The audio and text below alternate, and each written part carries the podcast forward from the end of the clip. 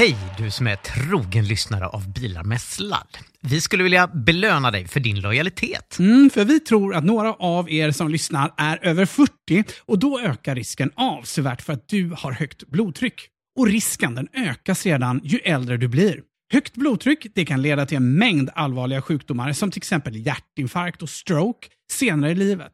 Nästan en femtedel av er som är över 40 har för högt blodtryck och de flesta vet inte ens om det. Jag och Fabian driver vårdcentralen Hälsa Hemma som du möter i vår app. Om du bor i Stockholm, Göteborg eller Malmö och listar dig på Hälsa Hemma vårdcentral så skickar vi hem en digital blodtrycksmätare till dig helt gratis. Blodtrycksmätaren kopplar du till Hälsa Hemma-appen och får där instruktioner om hur du kontrollerar ditt blodtryck. Gå till hälsahemma.se bilar med sladd för att ta del av erbjudandet.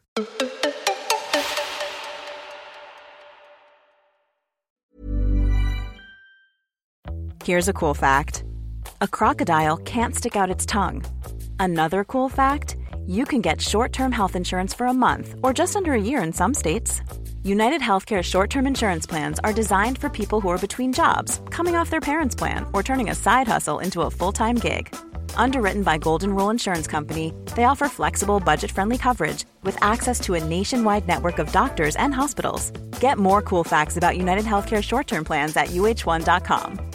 When you're ready to pop the question, the last thing you want to do is second guess the ring. At Bluenile.com, you can design a one of a kind ring with the ease and convenience of shopping online. Choose your diamond and setting. When you find the one, you'll get it delivered right to your door. Go to Bluenile.com and use promo code LISTEN to get $50 off your purchase of $500 or more. That's code LISTEN at Bluenile.com for $50 off your purchase.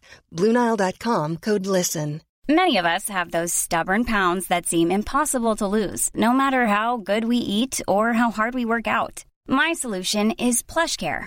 PlushCare is a leading telehealth provider with doctors who are there for you day and night to partner with you in your weight loss journey. They can prescribe FDA-approved weight loss medications like Wagovi and Zepbound for those who qualify. Plus, they accept most insurance plans. To get started, visit plushcare.com slash weight loss. That's plushcare.com slash weight loss.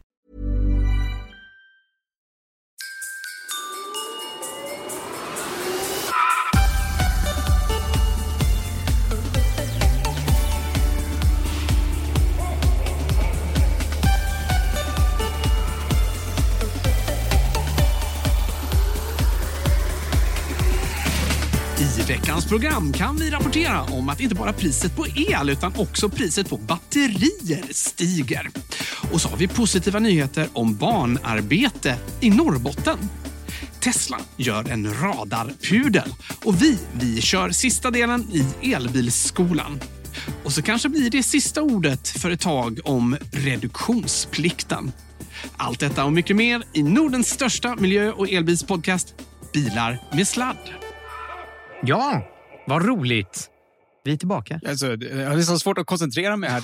Du sitter och skriver i show notes i realtid här, Anders, samtidigt. Ja. Jag, det, det ser ju inte lyssnarna. Det, Ja, det är till Fabian.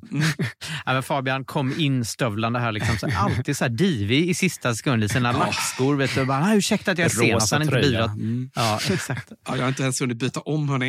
Eh, nej, det är faktiskt... Eh, jag är helt oförberedd för dagens show. Jag har ingen aning om vad vi ska prata om, eh, trots att jag just tog introt här. Ja, exakt. Det var därför så- det var så styltigt. ja, skönt att jag fick dig att säga, prata om barnarbete i introt. Liksom. Det, jag har bara lagt det där åt dig. Ja, jag har ingen aning. Det är så fint att jag har folk som sköter det här åt mig Ja. Men hörde du Så- senast en positiv nyhet om barnarbete? Ja, det är sant. Det är sällan man hör. Vi pratar nu barnarbete, inte barnarbete. I norr, jag tänkte på Norrbotniabanan så att man kan röra ihop det med det. Ja, Ja, ja, det är alltså inte. Nej, det är inte barnarbete utan barnarbete. Och nej, vi, vi ska inte gräva för mycket där. Det kan vara så att vi har tveksam täckning på, på det här påståendet. Men, Alltså, men jag okej. kanske kommer undan med det sen. Vi får se. Ja, ja, ja. Alfred Ja, sitter men- med en mm. härlig kopp med te kanske. Med Hälsa Hemma-koppar som du har hemma också. Ja, jag, jag tycker om att ha koppar från teknikbolag jag gillar i närheten. Mm. Ja, Vårdcentralsbolag kanske i det här sammanhanget. Men det är ju, lite, Ja, det är ju det är teknikbolag. teknikbolag. också. Ja. ja absolut. Det är vi. Ja, nej, men det är jättekul att se. Vi i Hälsamma söker faktiskt nu en person, en junior supporttekniker. Jag tänker att i podden så lär vi ju hitta Ja. den typen av... Vi har mycket tekniker som, Ja. som lyssnar, det vet vi sedan innan. Ja. Eh, men Men eh, vad är det Fabian vi ska anställa? Vi ska anställa en person som är eh, bra på sladdar, eller på att säga, apropå showens namn. Mm. Nej, men en, en person som är junior supporttekniker som kan svara på frågor från vår personal och kanske koppla lite sladdar under något bord när det behövs och se till att det är lite ordning och reda på, på vår IT-organisation. Så. Mm. Ja, ja, precis. Mm. Det är ju typiskt eh, om du har gått ut gymnasiet eller känner någon som Ja. har gjort det som är, brinner för teknik och både hårdvara och mjukvara och sådär så Mm. har vi toppenjobb. Och det är remote man jobbar varifrån man vill egentligen. Och så får Ja. man åka några gånger per, per månad till våra kliniker då i, Stockholm och Göteborg. Och så ska vi öppna i Skåne tänker vi i höst också. Det är Mm. Ja, som precis. hybris har vi fått på det här. Ja, verkligen. Och sen eh, ska jag säga faktiskt att vi söker också en läkare till Stockholm. Vi har ju eh, Dr. Alexander som faktiskt är lyssnare tror jag, till showen som vi fick eh, reda på den här vägen. Så det är så himla kul. Vi har anställt upp eh, massvis med lyssnare med det här laget. Eh, så eh, är du läkare i Stockholmsområdet så hör av dig. Vi är jättenyfikna på att få in, eh, du behöver inte ens skicka ett CV, bara hör av dig så, så snackar vi om saken. Och så, vi vet ju att våra lyssnare är världens smartaste människor så det blir anställning direkt, eller vad säger vi Ja. Anders? Nej, det kan inte lova. Ja, vi, vi har faktiskt ett litet användartest, ett litet eh, arbetsprov som man gör innan. Eh, Som man får spela in på, på sin dator, spela in sin skärm på sin dator. och så. så att, det gör alla som startar hos oss. Ja, det blir Ja. kul. Men nu pratar vi väldigt mycket om det där. Hur är det med dig Alfred? Du har ju redigerat vidare här i, i, i show notes. Jag Krockade med älg med cykeln, står det i mina, vad jag ska berätta. Det, det stämmer inte alls. Jag har inte krockat med någon älg. Ja, Jag kunde inte Är det gissa. du som har alltså. krockat med en älg? Nej, det har jag inte heller gjort. Ja, det var, det var ju roligt. Jag har ju berättat tidigare att jag har råkat ut för lite parkeringsskada och så där med bilen. Och så berättade jag ju om när min eh, hustru blev påkörd av vår garageport. Det- Nu äntligen har jag varit i Stockholm och lämnat in eh, bilen, så jag har på att ta mig framåt och tillbaka lite i snökaos. här. Det var lite Just det. stökigt på, på vägarna faktiskt. Du kunde ha svängt förbi och sagt hej, du vet du. Att du behöver inte sky mig. Ja, det är verkligen... Eh, gud, jag, jag får vara så himla lite i Stockholm nu. Jag, i- det var, jag tog mig till Stockholm sent igår kväll, så lämnade jag in bilen tidigt i morse och sen så liksom, var jag tvungen att ta mig tillbaks direkt till Vischan. Så det var, jag hade liksom några timmar i Stockholm bara och på den tiden så hann jag liksom bli försenad. Eh, med, med tåget, kanske på grund av vädret eller något nytt planeringssystem eller, eller någonting. Och det som hade blivit lite skadat eh, av den här eh, garageportskrocken, det var ju en av fälgen. Men nu har jag ju bytt till vinterhjul och tror ni inte att jag lyckades såklart glömma fälgen?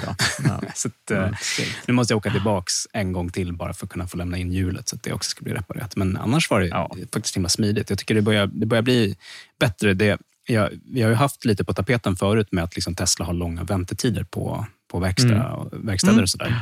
Och när jag gjorde skadebesiktning så trodde jag att jag skulle få stoff till det. För då, då var det verkligen som att de förvarnade om att det skulle bli riktigt långa väntetider. Och jag fick ju nu vänta ganska länge på att få lämna in bilen till reparation. Men mycket kortare än vad de först aviserade faktiskt. Eh, Så det är som att de har hunnit jobba ikapp lite grann. Eh, Min verkar- Tesla Model X står på verkstaden nu faktiskt Mm. hos eh, Tesla för att luftfjädringen har pajat. Så de skickade, Aj, aj, aj. igår Ja. fick jag sån här, eh, Det låter dyrt. sån här offert. Ja, 41 000 vill de ha. Hur mycket?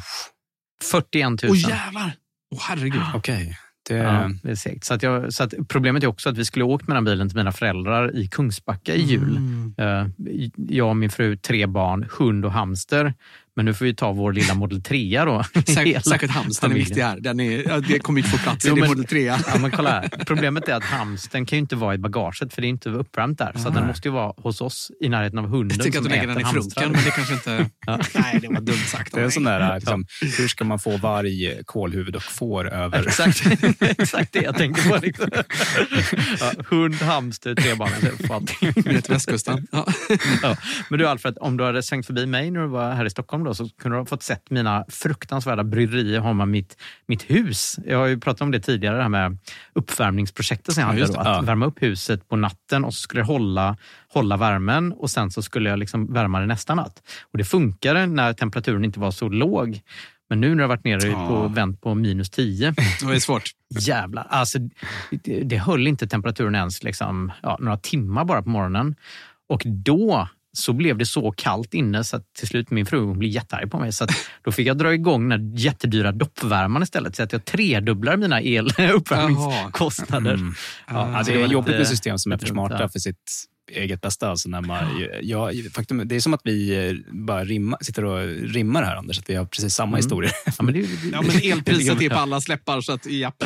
Ja, men alltså vi, liksom våran, i Attefallshuset nu, där min styvdotter har fått flytta ut, där det är så himla smart och bra nu. Den styr mot elpris och allting och så vidare. Men nu är det som att den här smartstyrningen bara har totalt lagt av. Så den, bara så här, den mäter ju vad den har för temperatur och så ska den slå igång värmepumpen. Och nu bara, den ska värma till 20 grader eh, och den bara, det är 15,5. Jag värmer för Oj. fullt, men pumpen går inte. Liksom. Eh, och eh, vi har lyckats eh, förlägga den ordinarie fjärrkontrollen till pumpen. Så att, eh, jag liksom måste skynda mig hem efter det här avsnittet för att hjälpa till att få igång en värmepump som är för, också för smart för sitt eget bästa. Så att, eh, ja, det känns som att vi har. Oj, oj, lång näsa, kanske uttrycket är. Jag har inte alls det här problemet. Jag har eh, ju, som alla vet, ti- tibifierat hela mitt hus. Så att det är ju extremt elprisoptimerat för det här laget.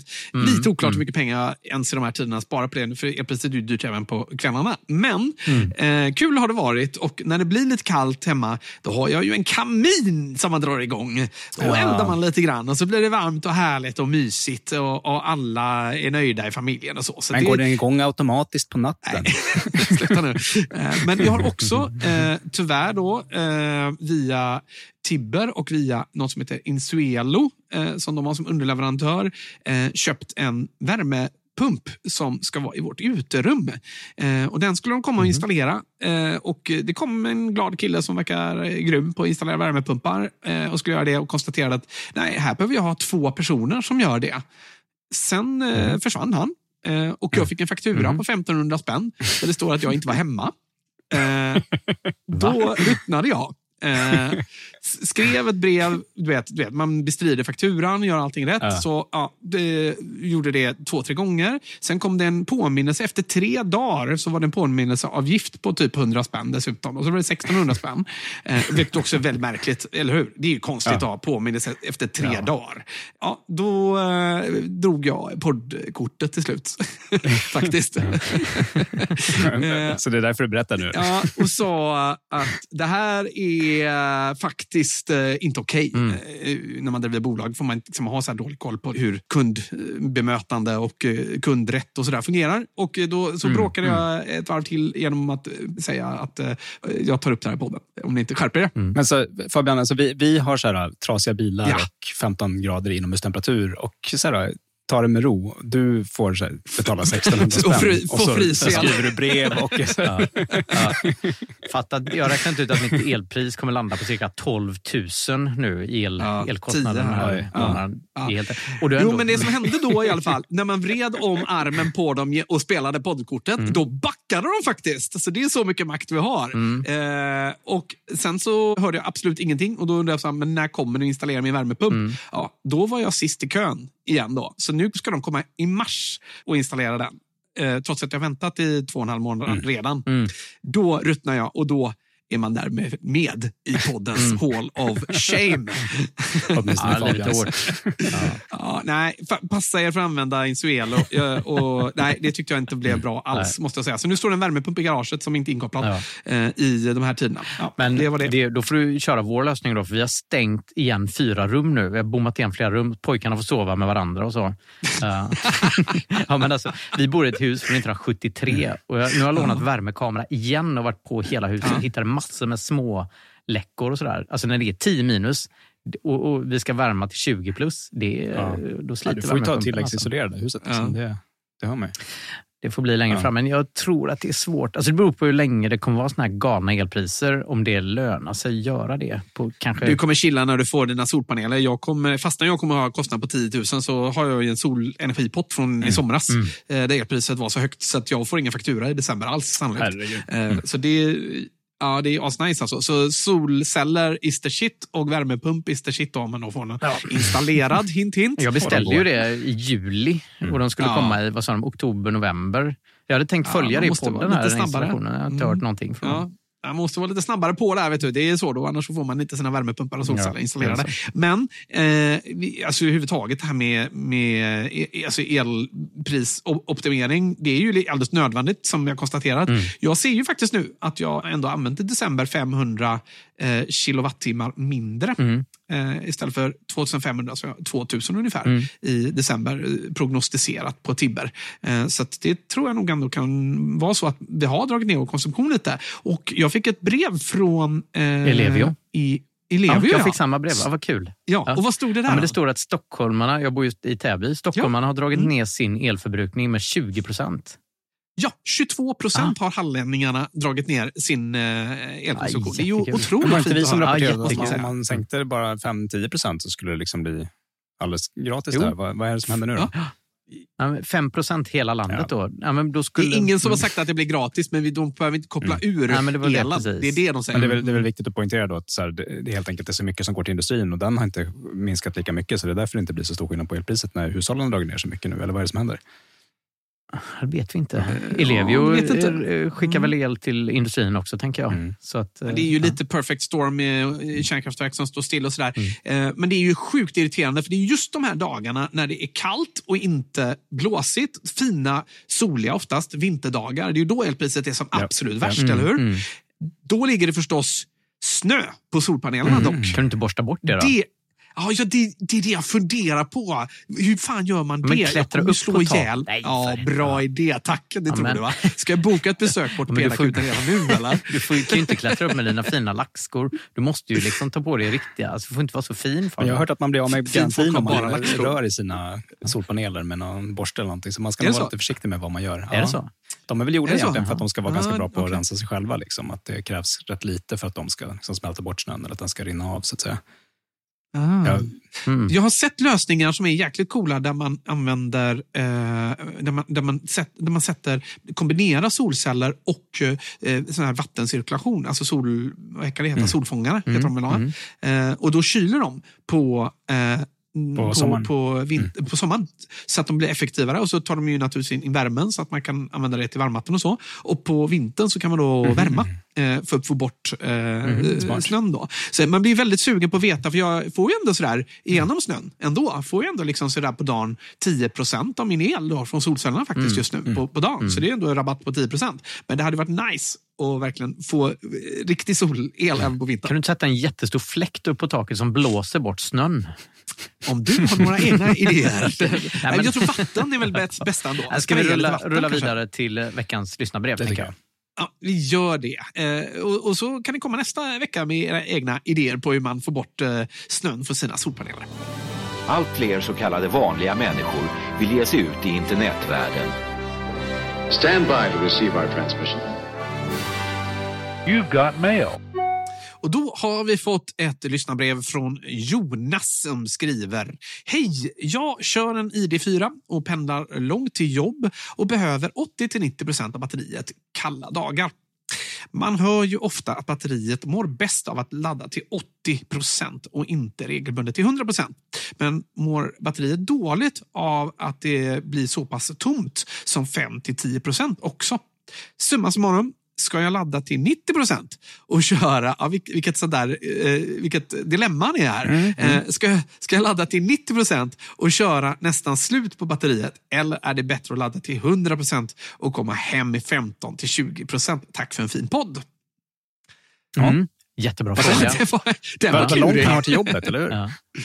Ja, ja, Det det är sant. alltså, Mm. ID4 det är ju ordentlig räckvidd på en sån bil. Så använda nästan Ja. hela batteriet. Det är verkligen lång väg. Ja, men det står ju ett tag också där. Men det bästa vore ju kanske, ja, det är ju inte svar på frågan om, men det bästa vore ju om man kunde ladda vid jobbet. Ju. Det vore ju allra bästa. Mm.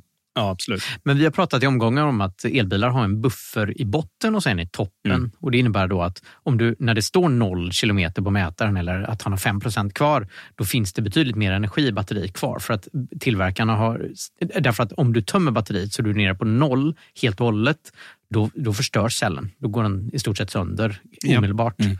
Så att eh, därför så finns den buffern. Så när det står noll på mätaren, då finns det eh, marginal kvar i batteriet.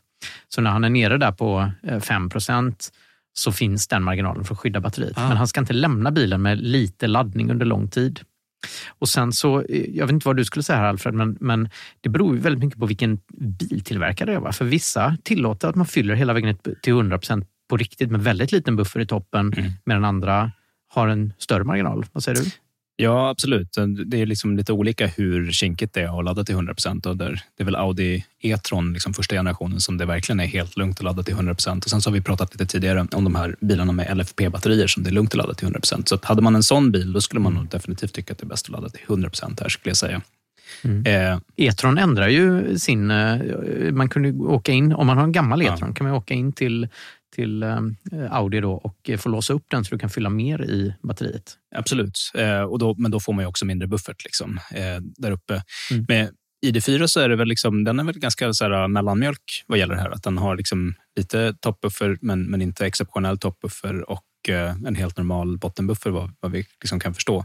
Så här är ju liksom svaret att det är inte bra att stå länge med 100% och det är inte bra heller att stå med liksom låg laddning, det vill säga låg spänning. Mm länge. Så det gäller att mm. liksom försöka, om han ska ladda till 100% då gäller det att ladda klart till 100% precis innan han åker. Och omvänt, om ja. han har tänkt eh, köra den omvända strategin och bara ladda till 90 då för att undvika att behöva ladda till 100% då måste han också se till att eh, börja ladda så fort han kommer hem. För han får absolut inte lämna bilen mm. länge med så låg laddning. Eh, och I synnerhet om det är kallt Nej. ute så kan mm. man ju också då tappa ytterligare energi på att batterisensorn Jobbigt om man vill elprisoptimera, ja. för då ja. kan man inte ladda direkt heller. Så att, eh, mm. men, alltså, min spontana känsla här är ju att det finns mer marginal neråt i batterierna generellt sett på alla elbilar än vad det gör uppåt. Mm. Så att, eh, förutsatt att han kommer igång och laddar något sån här direkt, då, som du säger Alfred, så skulle jag nog ändå tippa på att det är bäst att eh, komma hem med lite lägre eh, landning i batteriet. Ja. Än att ladda 100 procent varje dag. Det är ändå så att de här liksom, procentenheterna i extremerna, det är de som är absolut mest skadliga också. Så att, alltså, han frågar om 100 eller 90 och jag skulle säga att fan, 95 kanske är den perfekta kompromissen. Då, mm. liksom, att, mm. att, att, vara däremellan. För det är ganska stor skillnad på 95 och 100 sett till hur mycket man skadar batteriet. Eh, men det är bara 5 enheter av hela, eller 5 av hela batteriet. Så det, det, är ju ja. inte så stor skillnad i hans räckvidd. Och det, men, så det skulle nog liksom ändå vara det optimala. Och Sen så är det ju verkligen värt att fundera också på det här med, men vi brukar ju uppmuntra folk både för den egna plånboken och för elnätets och för miljöns skull att ladda på, på natten.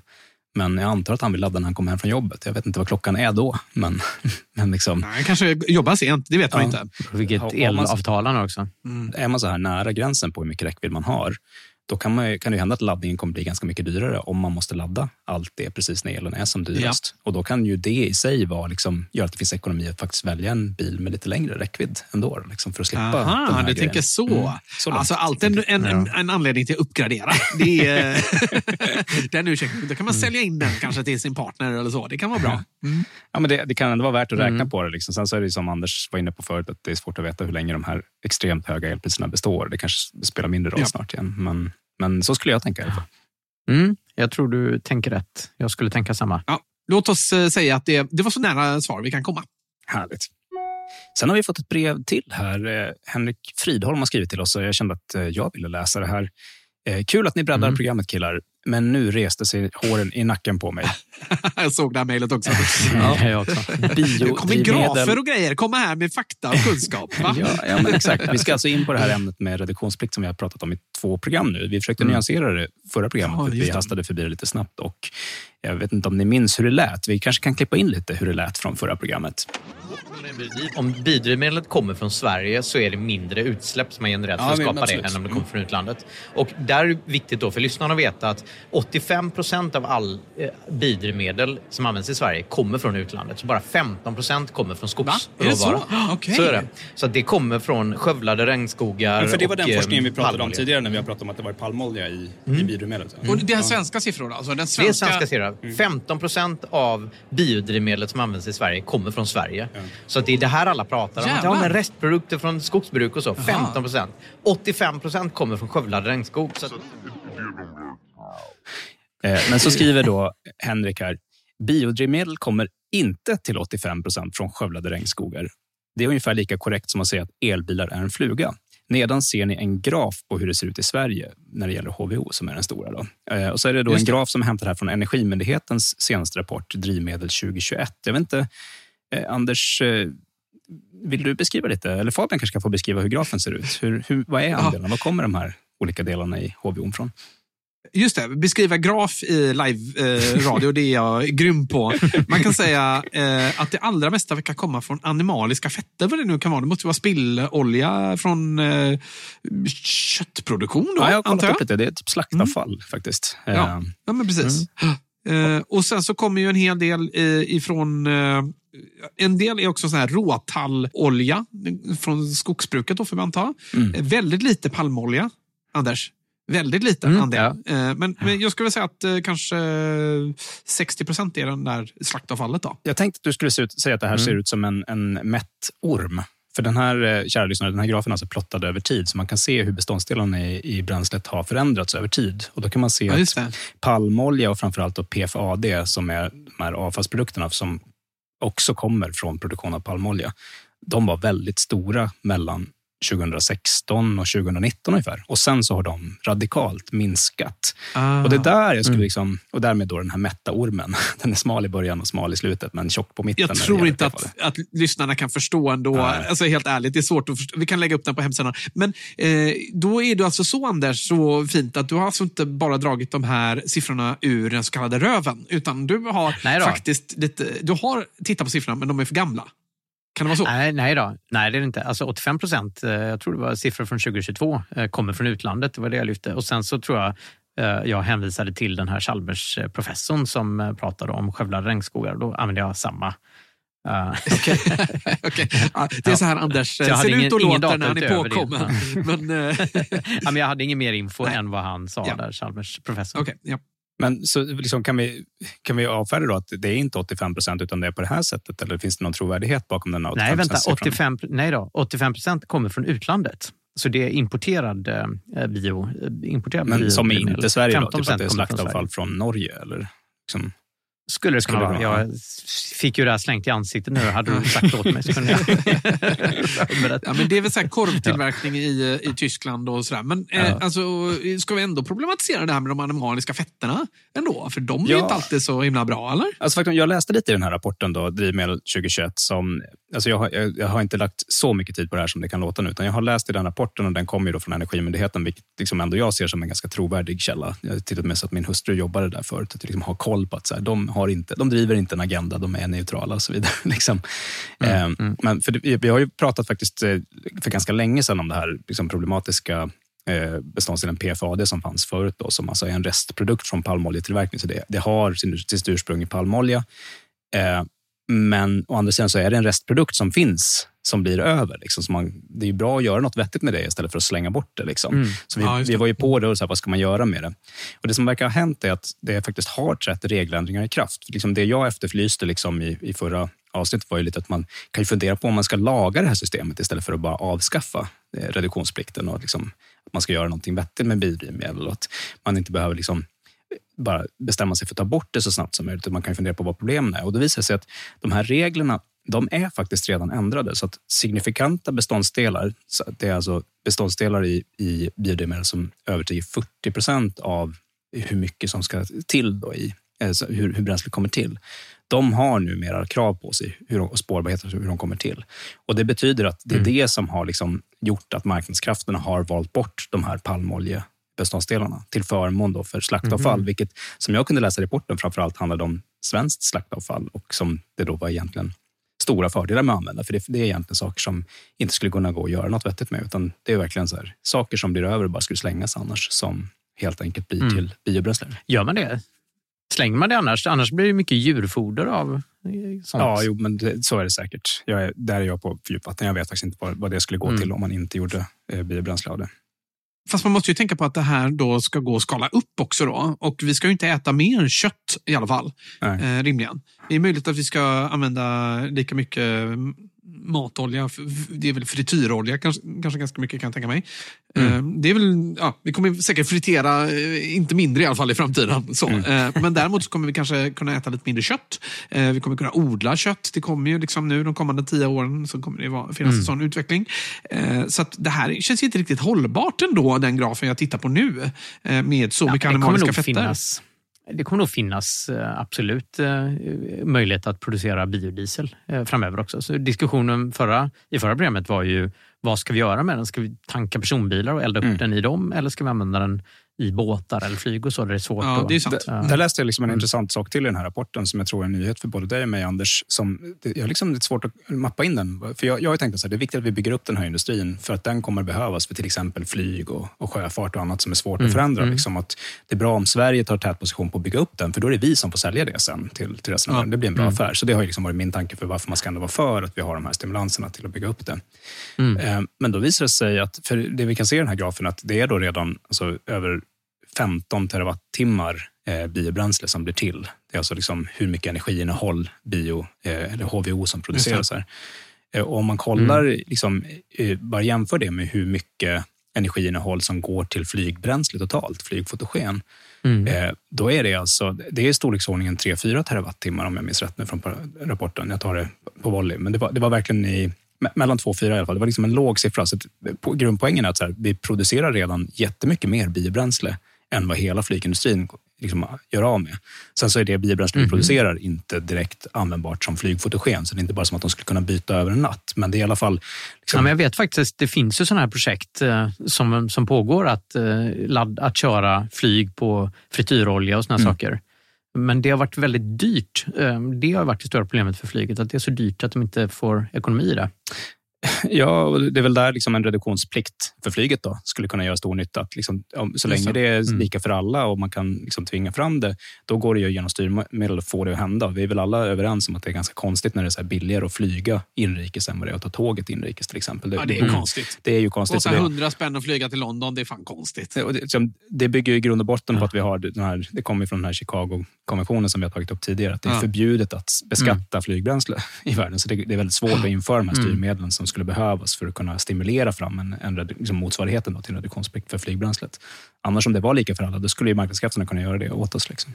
Fast jag vill minnas att det är okej att eh, sälja eh, bränsle eh, utan skatt, liksom en annan typ av bränsle. Om det landar ett flygplan på Arlanda och så säger vi så här, nej tyvärr, vi har inte fossil eh, flygfotogen utan vi har den här sörjan från eh, fritös. eh.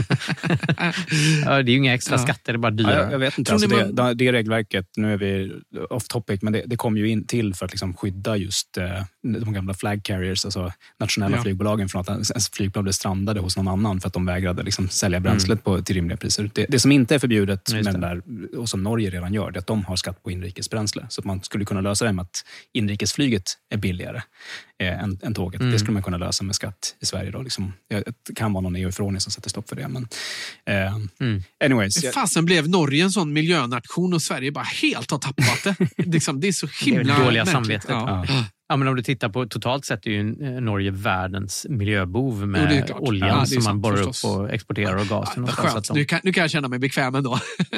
Ja. ja, men Sverige måste ju vara mycket, mycket renare eh, än Norge är om man räknar in Deras olja, ja. gigantiska Ja, gud, ja, visst. Ja. Men tror ni man, eh, om man liksom friterar ombord på flyget på något sätt kanske?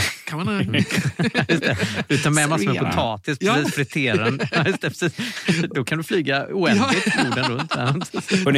Jag vill att ni ska ta med er i alla fall det är att alltså, Ja. över hälften tycks komma från slaktavfall vad, vad gäller då Mm. HVO och vårt biobränsle. Och eh, tvåa på den här listan, som är ganska mycket mindre än slaktavfallet, det är ändå då tallolja. Så det är från svensk skog som det där kommer Just framförallt. Så det, jag måste kolla och gräva mer i det där med de här 85 procenten, Anders. För Mm. det känns inte riktigt som att vi... Det, de här två bilderna liksom, motsäger varandra lite. Jag får inte ihop det. Ja, men 85 procent var inte att det var 85 procent skövlade regnskogar som jag eventuellt lite sa. Eventuellt, kan man sagt.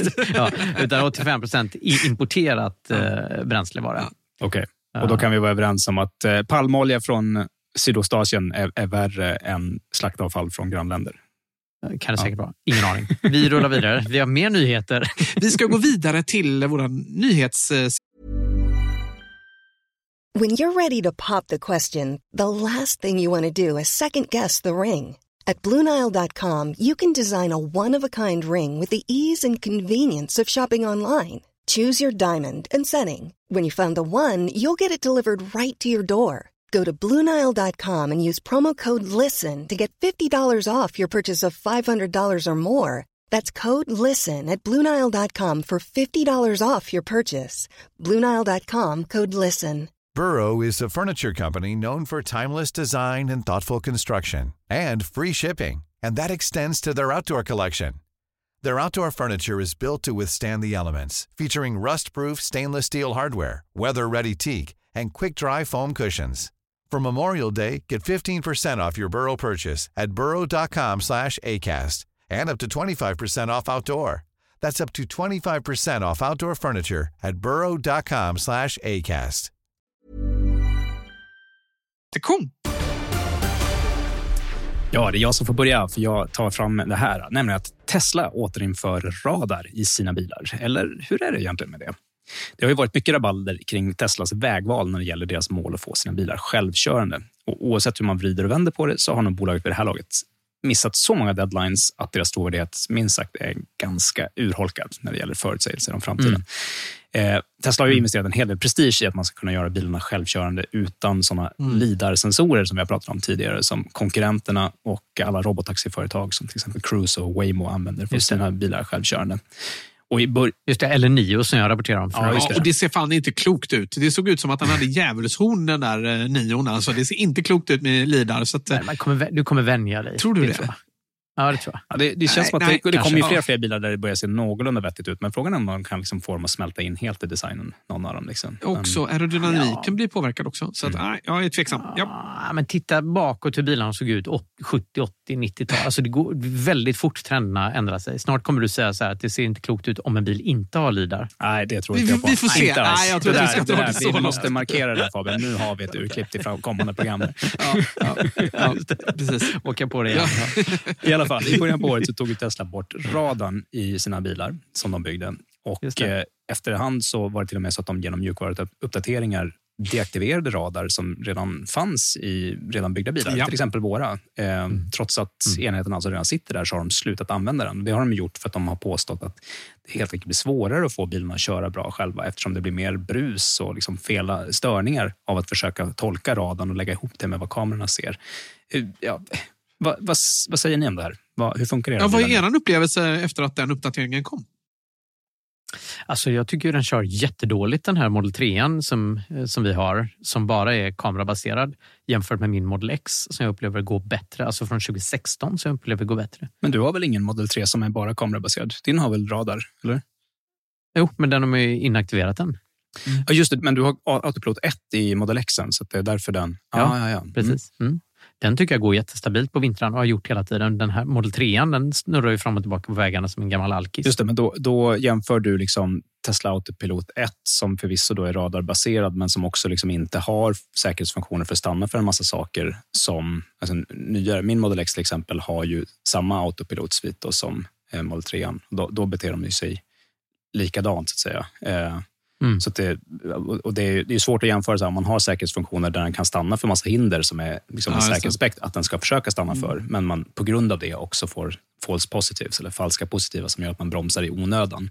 Då kan ju liksom ett, ett mindre kapabelt system kännas som mer eh, stabilt och Som bekvämare liksom, Ja. tills Ja. man faktiskt krockar med det där som den andra bilen hade klarat av att stanna Mm. för. Liksom.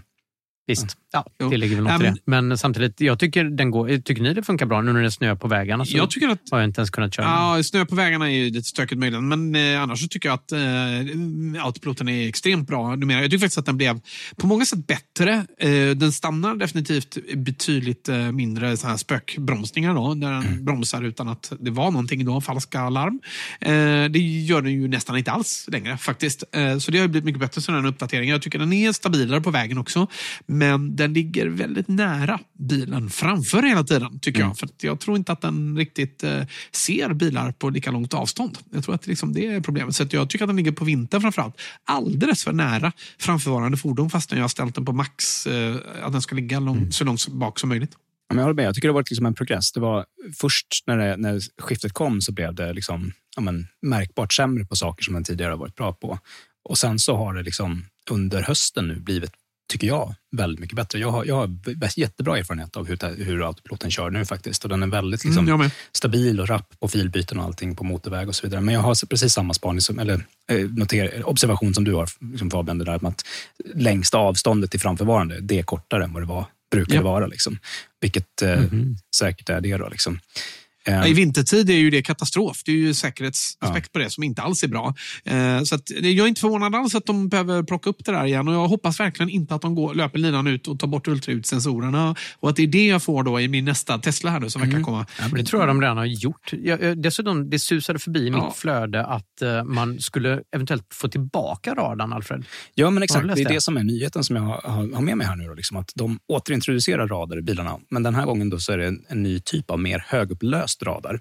Så man tänker att den, den gamla radarn, den liksom var, var duktig på Liksom mjukvaran i själva radarn plockade upp objekt, vart de befann sig och vilken hastighet de rörde sig med. Och De objekten var liksom svåra att gifta ihop med vad, vad bilens kameror såg och mjukvaran Tesla byggde själva för liksom, autopiloten där. Okej. Det som kommer nu då är en högupplöst som fungerar lite mer som en kamera. Att den har liksom, eh, många punkter och ser liksom pixlar eh, med avstånd till eh, objekt framför. Då, liksom, så att flera, eh, samma objekt kan bli flera pixlar än att det bara är ett objekt i den här radarn. Vilket gör att man snarare målar en bild tillsammans med radarn som då ska förhoppningsvis vara lättare att eh, gifta ihop sig med, med resten av sensorerna. Det Mm. Jag är bara lite nyfiken vad du tycker om det, Alfred. För du har ju hela tiden sagt så att ja, men det ska räcka med kameror och, och sådär. Du har egentligen sagt allting som Elon Musk har sagt, bara lite efter att han har sagt det. och nu, vad säger du nu då? För du har ju sagt nu att det ska gå med bara kameror. Ja, det är payback time nu, det hör ni ju. Jag håller nog inte riktigt med om Ja, att det är så jag sagt. Jag- jag och var slängde i ganska Vi får se med. hur det ska gå och så vidare. Men det är verkligen så, precis det här, den här linjen som Anders tar nu. Det är många liksom, motståndare, eller vad ska man säga, kritiker till Teslas satsning som vill hitta fel i deras strategi. Eh, som lyfter fram det här nu som att eh, nu, kolla, nu får de göra en pudel här, nu får de backa på allt de har sagt och så får de återinföra radar och så vidare. Eh, det, det som har hänt är ju att redan när de tog bort radarn så sa de att den typen av radar som satt i bilarna då, den skapade inte nytta. Men det som skulle kunna skapa nytta skulle vara en sån här HD-radar som nu då kommer och som de nu är på väg att introducera. Så man kan väl säga att det de har gjort är att de har byggt bilar utan den radarn som inte behövdes eh, eller som inte kunde skapa värde under tiden. Och sen så lägger de till den. Och det som blir väldigt intressant att se om den i sig behövs för att kunna leva upp till deras löften om full safe driving. Eh, vilket de ju i så fall innebär att de kommer att behöva liksom lägga till den nya radarn till alla som har full self driving eh, paketet. Det ska bli spännande att se om de behöver det. Hittills har de ju känt, liksom, Mm. uppenbarligen målat in sig i det hörnet att de, de har bettat på att de inte ska behöva det. För det är väldigt dyrt för dem. Mm. Liksom eftermontera radar till alla som, som har det där ute. Ja. Så att jag, jag tror nog att de faktiskt kommer att liksom, på sikt kunna lyckas. Men det som är nyckeln i det där påståendet det är ju det här på sikt. För, hur, hur länge är det man måste vänta då som köpare av FSD-paket utan den här nya radarn? Hur länge ska man behöva vänta innan man kan säga att ja, men nu har ni misslyckats, nu måste ni på något sätt ersätta mig eller liksom ta mig ikapp? Det, det är verkligen en springande punkt. Och där vi som har äldre bilar med FSD-paketet, vi hamnar liksom längre och längre bak i den här kön. För de, de rullar alltid ut de nya mjukvaruuppdateringarna till Ja. de första och mest Mm. moderna bilarna. Och sen ska de jobba sig bakåt. Liksom. Och Det känns som att eh, en bil från 2017 med gamla kameror och utan ny radar, så här, det, liksom, det blir så många steg Mm. innan de kommer att komma ikapp. Liksom. Ja, Jag tycker ändå det är intressant att de lägger till radarn, för deras bild har hela tiden varit att människan kan se, människan kan köra bil, vägarna och trafiken är byggd för människan Mm. och efter hur människan är utformad. Liksom. Så att sätter du bara kameror för att simulera mänskliga ögon så ska du kunna köra bil. Å andra Ja. sidan kör också människor på andra människors bilar Ja, det är eh, och åker Mm. i diket för att de inte ser i dimma eller i snöstorm. Eh, så att om man nu Mm. har möjligheten så ska, tycker jag absolut att man ska använda andra saker än bara vision. Och jag, jag tänker väl att den här radartypen verkar också vara mer, i och med att den är mer, den bild, det du målar upp eh, här, hur den funkar Alfred, låter mer som att det är mer av en eh, videoström, en, bil, en bildfeed mer än, eh, än det de har fått tidigare, vilket jag tänker kanske också är lättare att få in i deras AI-modeller som ju är gjorda för Vision då, i första hand. Mm. Samtidigt är ju radar är ju inte samma som eh, vision alls, utan det studsar ju på metall. Eh, så, så om det är en kartongbit eller en människa så där, studsar inte på en människa. Eller gör den här radarn det, Alfred? På något sätt? Ja, men det, det har varit väldigt svårt liksom, eh, att liksom, tidigare ta hänsyn till så här, bara, se skillnad på men så här, om det, om det liksom ligger en, stor, en upp och nervänd aluminiumburk så kan den se jättestor ut på radarekot. Och eh, ja. om det ändå mot, motstrider vad kamerorna säger, liksom, vad är det som ligger där, eh, då, då, blir det väldigt, väldigt svårt liksom, att avgöra. Men om man då har en, en sån här pixelmap istället för att, liksom, en färdig objektanalys direkt från radarn, då blir det lättare att se, förmodligen, nu är jag ute på djupvatten, men då blir det förmodligen lättare att för, för autopilotteamet när de bygger mjukvaru, mjukvaran för det, att se skillnad på eh, om det här nu är en sån stor grej, då borde vi kunna se fler träffar på fler ställen än på bara en av de här punkterna. Och det blir lättare att få ihop det med, liksom, eh, i sin sensor fusion med, med det andra. Men oavsett vilket så mm. tycker man, om man kollar liksom på hur långt de har kommit med sin FST-beta, så det är ju tydligt att de inte är i närheten av att vara level 5 som liksom har varit påståendet och som var i marknadsföringsmaterialet när jag köpte min Model X 2017. Att mm. den här mm. bilen skulle så mm. småningom komma och hämta mig utan att någon var i den och så vidare. Ja. Eh, där, mm. du köpte det paket, dyra ja, paketet jag köpte det då. Det. Verkligen sådär, det här lovar de mig. Okej, okay, jag tänker köpa. Jag vill, att, jag vill ha skriftligt på att de har lovat mig det här, för det kan bli mycket värt en dag. Liksom, när de eh, antingen kommer få ge mig mer grejer efterhand, eller för den delen, om de lyckas så kommer den här bilen ha mycket bättre andrahandsvärde. Jag tror att den dagen de faktiskt lyckas med det, då kommer liksom priset behöva vara mycket högre än vad jag betalade då. För det var ju inte så dyrt då, ska komma ihåg, utan det var mycket Nej. billigare vid den tiden. Nej, Fast din bil är redan fem år gammal och nu de som är och testar det här i USA säger att den är fruktansvärd. Den här eh, self-driving-betan. Ja, om man jämför alltså det, mm. det är verkligen så här, man, om, man, om man kollar mycket på alla de som, test, som är ute och testar och vad, vad som kommer ut ur det här betaprogrammet och hur det ser så Det är en väldigt mm. fin progress. Det, det är liksom, de är långt ifrån level 5. Det är väldigt tydligt att det de nog kommer att hamna på istället, det är liksom en liksom level 2, ungefär det som vi alla har på motorväg nu men som också klarar stadstrafik. Och de är på en plats nu där bilarna liksom, med bara kamera, ingen radar eller någonting, gör liksom många körningar helt liksom, interventionsfritt. Sen så är det ju mm. tveklöst att det är liksom, jättemycket kvar innan det går att liksom, släppa de här bilarna utan förare, för det gör, man gör ju så många misstag fortfarande.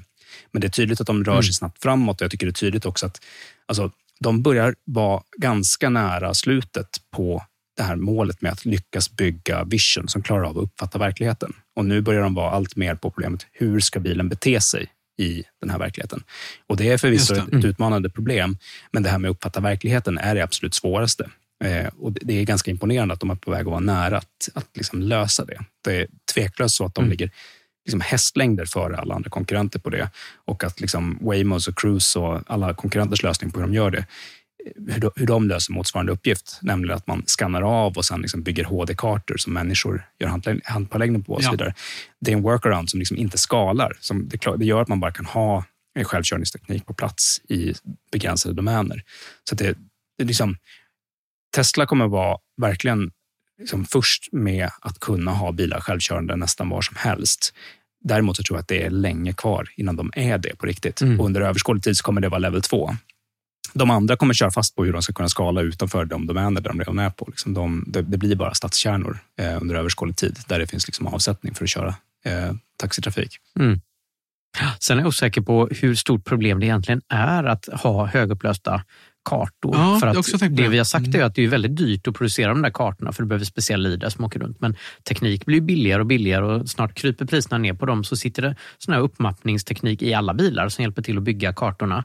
Och om, I och med att det alltid är bilar överallt som kör så kan ju alla tillsammans hjälpa till att bygga högupplösta kartor. Då kanske det här inte är något problem att man gör på det här sättet. Ja, men alltså det, det är kanske det, Tesla som har dragit det kortaste strået. Det som verkar ske under huven på Cruise-bilarna och Waymo-bilarna som faktiskt är kommersiell trafik nu, då, även om de är stängda betor, även de. Liksom.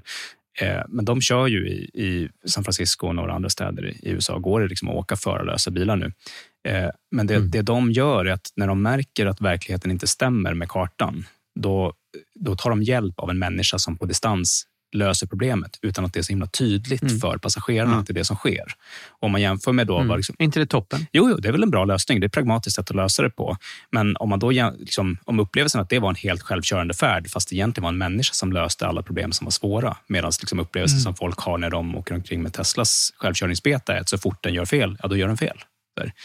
Liksom, mm. då... Men är det ett problem då? Alltså fatta hur mycket arbetslösa människor det finns runt om i världen. Det här liksom skapar jobb till folk som kan sitta och styra bilar på distans. Ja, men problemet som är med den lösningen är att det verkar vara väldigt svårt att få ekonomi i de här, den här typen av robottaxi. Om, om det är för mycket mäns, mänsklig handpåläggning i hur de kör och för, för mycket man måste ta fram de här kartorna, då blir inte liksom det här löftet om att det ska bli så himla billigt att åka taxi eh, realiserat. Och det, det, man kan se nu då, är att alla börjar inse att det kommer, ta, det kommer vara rätt länge kvar innan de här bolagen kommer att kunna göra signifikant vinst. Och ett av de allra mest profilerade företagen, Argo AI, som verkligen har lyfts fram som en av ledarna jämte då Cruise och Waymo på, med liksom robottaxiutvecklingen mm. och som Ford och Volkswagen hade satsat stora pengar i. De har, de har helt sonika avvecklat nu. De misslyckades med att resa nya pengar. Ford och Volkswagen ville inte lägga in mer pengar för att kunna bygga deras level 4-bilar som är verkligen men direkt jämförbara med Waymos och, och Cruise-bilar. Så det företaget som många har sett som ett av de mest lovande, de har helt enkelt fått lägga ner nu för att de inte det, det, är helt enkelt, det visar sig vara för mycket pengar kvar som måste satsas och plöjas ner för att det är för många år kvar till lönsamhet. Och det skulle jag, liksom, mm. sättet man kan se på det utifrån är att så här, det verkar som att de, de bilarna kräver väldigt mycket mänsklig handpåläggning när de kör. Det är bara att de har klarat av att ta sig så långt nu att användarupplevelsen är att det känns som att det är en helt självkörande bil när man sitter i den. Liksom.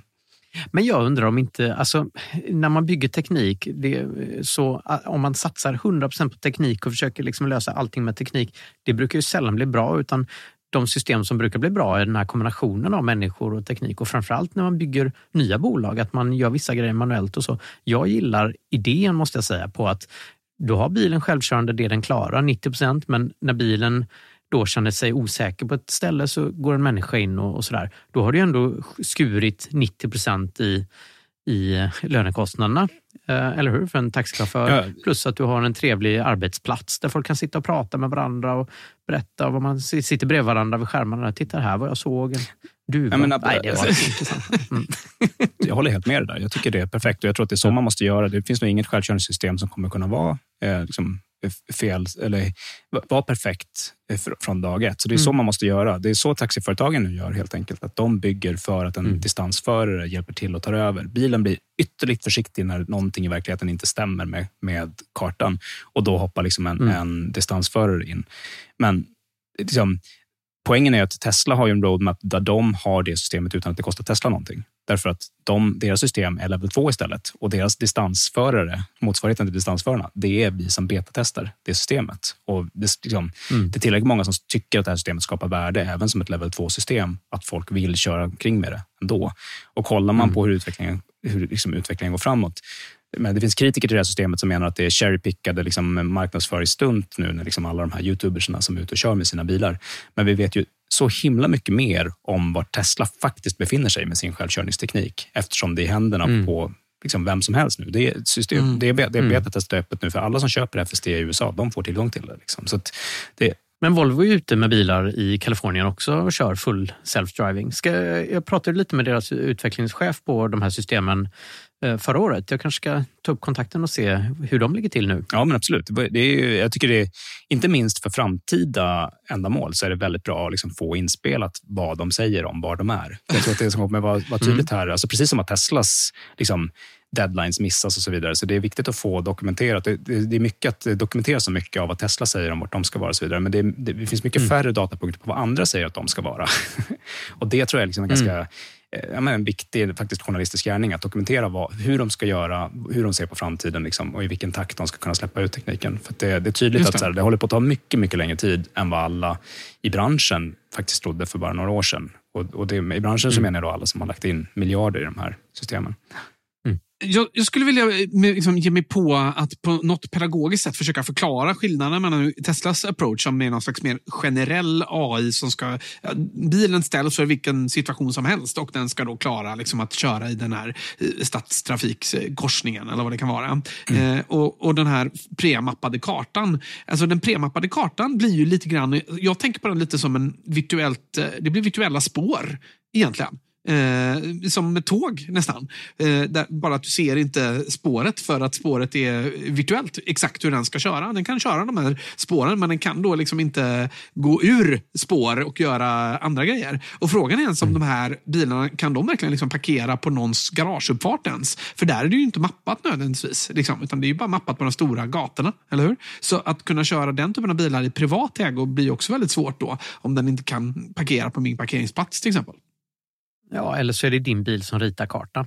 Alltså det, Ja, I så fall då, ja. Men, det är viktigt att alltså alla de som använder LIDAR-approachen hittills i alla fall, då, när LIDAR har varit dyrt, de har ju svårt att överhuvudtaget ta sig till bilar som kommer säljas till vanliga konsumenter. Därför att priset på de Ja. liksom, hårdvarusensorerna som, som krävs för att kunna köra på den liksom, högupplösta karta-approachen har varit så dyrt att det betyder att ja, men det blir helt orimligt att köpa en sån bil om man inte tänker ha den i trafik hela tiden för att den ska tjäna pengar som en taxi. Så att det, Sen är ju det liksom lite också ett, ett moving target, så att säga. Att LIDAR håller på att bli så billigt. Så att, eh, Ja. ni, ni och Volvo är ju exempel på tillverkare som menar, nu erbjuder de att man kan köpa bilar med de här systemen i. Men det är ju en viktig skillnad mot Tesla är att det är bara i de eh, bilar där kunderna väljer det tillvalet. Det är inte så att alla bilar tillverkas på Just det. sensorerna, så det är inte så att det går, kommer att aktivera, gå att aktivera i efterhand på alla bilar, utan det är då i så fall på de bilarna där kunderna har valt att lägga ganska det. många kronor extra på att få det. Men, men det börjar i alla fall komma in Inte med Nio så vitt jag vet, sitter Lidan. Den, den sitter ju fast där uppe i taket. Ja, Jag är ganska säker på att eh, du kan få en Nio utan den lidan. Eh, jag har sett Mhm. båda delarna, men jag, Ja, jag, jag jag kan ha fel. Okej, Vi får aha. nästan kolla upp det. Men eh, oavsett så känns det här som ett ämne som vi kommer få återvända till och det, det, det är mycket som Mm. rör på sig. Och, eh, ja, men det, det är spännande vart eh, Tesla är på väg nu när de då också har liksom öppnat upp för alla i USA att göra det. Det, det känns som att det bör vara liksom ändå liksom ta oss närmare punkten där de förhoppningsvis kan börja öppna upp för betatest åtminstone då i fler länder. Och Det har kommit Ja. liksom rykten om att det ska så småningom kunna nå Europa också. Så vi får hoppas att, att vi snart får ta del av det här. För det, ja, jag har väntat sedan 2017 nu. Ja, jag har också Mm, det ja. paketet, för det fick jag gratis eh, faktiskt i samband med att jag beställde min Tesla i samband med att det var en prishöjning där. Så de vände jag nog att, att kasta på. Men eh, faktum är ju i slutändan att eh, ja, det, det där kommer väl till Europa dagen efter att jag får min bil. Då. Ja. Eh, min nya bil som inte har detta. Då. Hörrni, vi ska rulla vidare. Priset på Ja. batterier stiger nämligen nu för första gången. Ja, det är Bloomberg NEF, New Energy Finance, som rapporterar att litiumjonbatteri, priset på li- litiumjonbatterier ökar. Och det är Jaha. första gången som det gör det sedan de började sin spårning då 2010. Och f- så vitt vi vet så är det väl så att priset på litiumjonbatterier har sjunkit år för år även innan dess. Men de har gjort väldigt ordentliga granskningar av litiumjonbatteripriserna eh, då sedan 2010. Och det är en ganska stor ökning för att från 2021 till 2022 så har priset ökat med 7 procent. Och det är en saftig ökning, nämligen 7 procent från 2021 till 2022. Ehm, det är råvarupriser, säger Bloomberg, som står för de här eh, ökningarna då i batteripriserna. Ehm, det är dessutom komponenter till och med, batteripaketen. Men det som drar ner det, det är de här LFP-batterierna för att eh, priserna kunde ha ökat ännu mer, säger Bloomberg, om det inte var för att LFP-batterierna då har fått eh, genomslag under 2022. Då. Och de, de batterierna kostar 20% mindre än traditionella litiumjonceller. F- förlåt en Men- jättedum fråga, men är Mm. det här liksom Mm. kompenserat för inflation? Nej, det är inte det. Nej. Så att inflationen kommer ju, eh, kommer ju sabba det här ännu mer. Då. Mm. Så både inflation och ökade priser kommer göra att batterierna eh, kommer eh, de tror inte att det kommer vara någon eh, sänkning i batteripriser under 2023 ehm, mm, och möjligen inte någon ökning heller utan de tror att det ligger kvar på de här höga nivåerna. Jaha. Så elbilar kommer öka i pris som det ser ut nu. Men, men för 7 procent från 2021 till 2022, det låter ju som att det är ungefär vad inflationen Mm. har varit. På, eh, så, men det, ska man inte tolka som att det bara är inflation då, utan det är också en underliggande liksom, uppåtpress. Nej. De säger att ökningen beror eh, på råvarupriser och komponenter. Så det är de som har ökat eh, i pris. Ja. Ja, så det är ju lite segt. Vi har ju tidigare pratat om att man har spekulerat i, förstått sig på att när batteripriset, och vi pratar om priset på batteripaket, faller under 100 dollar per kilowattimme, eller priset per cell, kommer ni ihåg det? Eh, Man, man pratar i alla fall när det har sjunkit under 100 dollar per kilowattimme, då kommer elbilarna vara så billiga att de Ja. kan konkurrera med fossilbilar på egna meriter. Men är det batteripaketnivå eller är det Nu cellnivå? blir jag osäker, men jag, jag känner mig ganska trygg med att det är priset per kilowattimme i färdigt batteripaket som det ska ner under 100. För Mm. vi, vi är redan där i de mest effektiva batterierna på cellnivå. Så att, Mm. eh, Ja, precis. Det är vi ju för att snittpriset på battericeller, då, trots den här prisökningen 2022 var 115 dollar per kilowattimme. Mm. Så eh, batteripaketen låg på 138 dollar per kilowattimme. Så jag är ganska säker på att du har rätt där, att det är batteripaketen. Då. Så det är en liten bit kvar tills vi är nere på 100 Men det, dollar. det är då det ska bli eh, liksom prisparitet med alltså, alla de billigaste bilarna. Det ska, ska bli, det blir i princip omöjligt att bygga, möjligt att bygga en liten Dacia liksom, för 200 000 spänn billigare än vad man skulle kunna bygga Mm. motsvarande elbil. Liksom, är, är, ju, är ju tanken. Men, Det är löftet och tanken. Ja. Ja, vi kanske behöver elbilsbonusen ändå. Mm. Ja, om det fortsätter så här, det är ju inte roligt. En ökning och eh, då, det är ju, med de här elpriserna och så, det ser ju mörkt ut för elbilsbranschen. Det kanske är på väg åt, eh, tillbaka till fossil eh, olja. Nej. Nej, nej, skojar. Elpriserna ska vi också säga till er som inte har elbil. Det är inget jätteproblem under en månad. Det är fortfarande billigare att köra elbil trots de här höga elpriserna. Ju.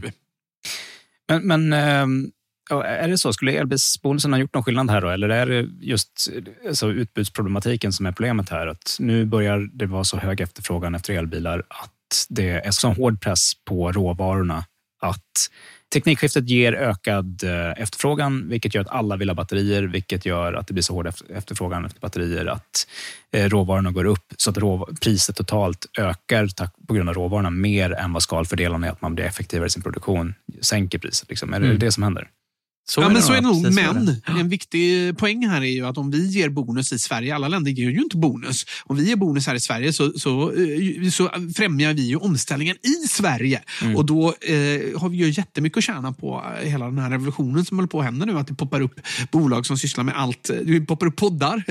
Det poppar upp eh, bo, Mm. bolag som sysslar med elbilsladdning och allt som kan ha liksom, göra med den här nya gröna ekonomin. Det är ju en otrolig jättekraft i den. Det är ju liksom många Ja. som Mm. tror att det, den gröna ekonomin är en, en större revolution än på många sätt när internet kom. Liksom. Så att det är otroligt mycket pengar i svung här. Så, eh, så det finns absolut en poäng. Om alla länder ger elbilsbonus, ja då är ju efterfrågan liksom lika hög. Men om vi får lite mer elbilar till Sverige så är det ju toppen för landet Sverige. Det ändrar ju ingenting för klimatet förstås, givet att det finns lika många. Jo, men alltså, om det finns en stor efterfrågan, även om den är artificiell, både i Sverige och massa andra länder som ger bonusar, då finns det ju en marknad. Alltså, det är ju det, det är med det här liksom, i ryggsäcken som de stora biltillverkarna vågar Ja. storsatsa på elbilar för de vet att det finns Mm. en gigantisk efterfrågan. Hade vi inte haft alla de här bonusarna och vi haft en mer organisk växt, ja, men det hade gått mycket långsammare. Ja, vi ser ju att svensk näringsliv är ju jättearga på regeringens miljöpolitik Ja, nu också. Det är ju, Scania det är ju helt ute, upp och ner på vända världen när det är svensk näringsliv som kräver mer miljöreglering.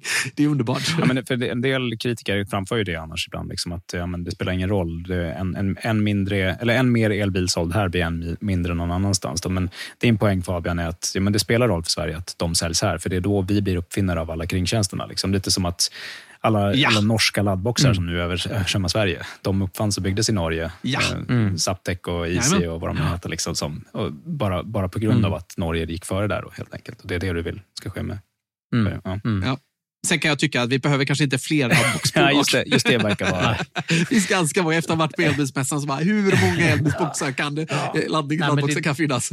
Det måste jag säga känns väldigt upplåst, alla de där laddboxbolagen. Lite som de här Ja, paddelbanorna lite. som poppat upp Lite. över hela jävla landet. Liksom. Och nu går ju de konkurs en efter en. Ni säljer ett glorifierat eluttag. Det är det ni Ja, det är säljer. det. Ja, faktiskt. Ja, exakt. Ja. Vi ska rulla vidare och prata om barnarbete. Ja, nu får vi se då om det blir något barnarbete i Norrbotten. Det som ska hända i Norrbotten är nämligen att man ska börja gräva upp jordartsmetaller i Norrbotten. LKAB är det som ska göra det. Ja, ja det var så Där var det var. till barnarbete. Ja, ja, ja. Jag har tyvärr inte mer eh, än så på det. Jag tror inte att det blir något barnarbete, utan det kommer helt enkelt gå att utvinna jordartsmetaller utan barnarbete eh, när det sker i Sverige.